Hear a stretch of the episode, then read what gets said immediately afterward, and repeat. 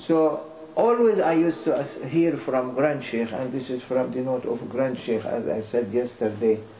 It was 1393. It Means how many years ago? 30 years ago, huh? More than 30 years ago.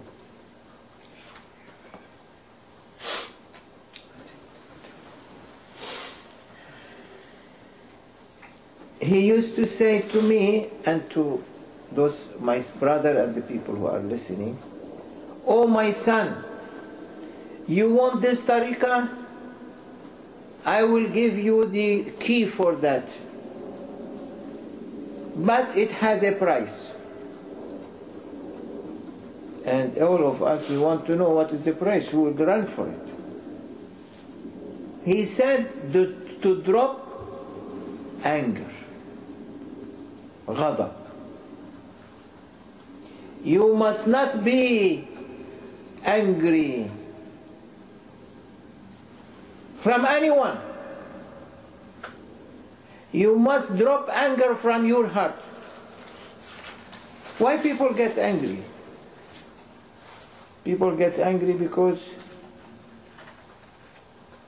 their ego is so high that cannot accept the other.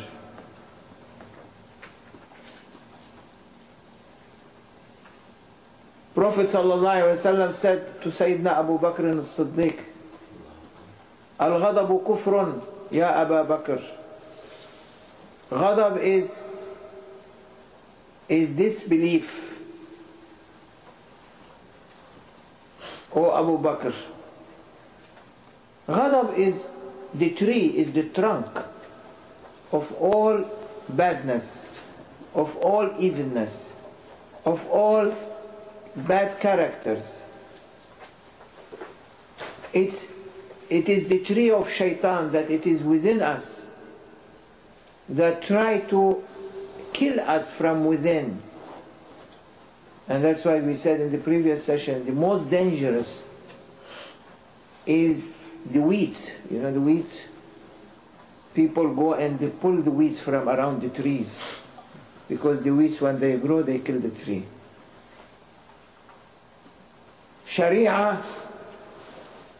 Islam, is the message that Prophet ﷺ series of messengers brought to us in order to follow.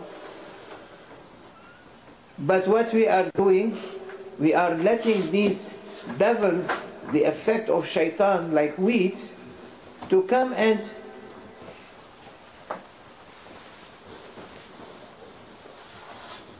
take over that trunk and that tree to kill the tree after. So Maulana Sheikh, may Allah bless his soul, Grand Sheikh, and Maulana Sheikh Nazim said that the most important step that you want to step in tariqah is to drop ghadab, anger.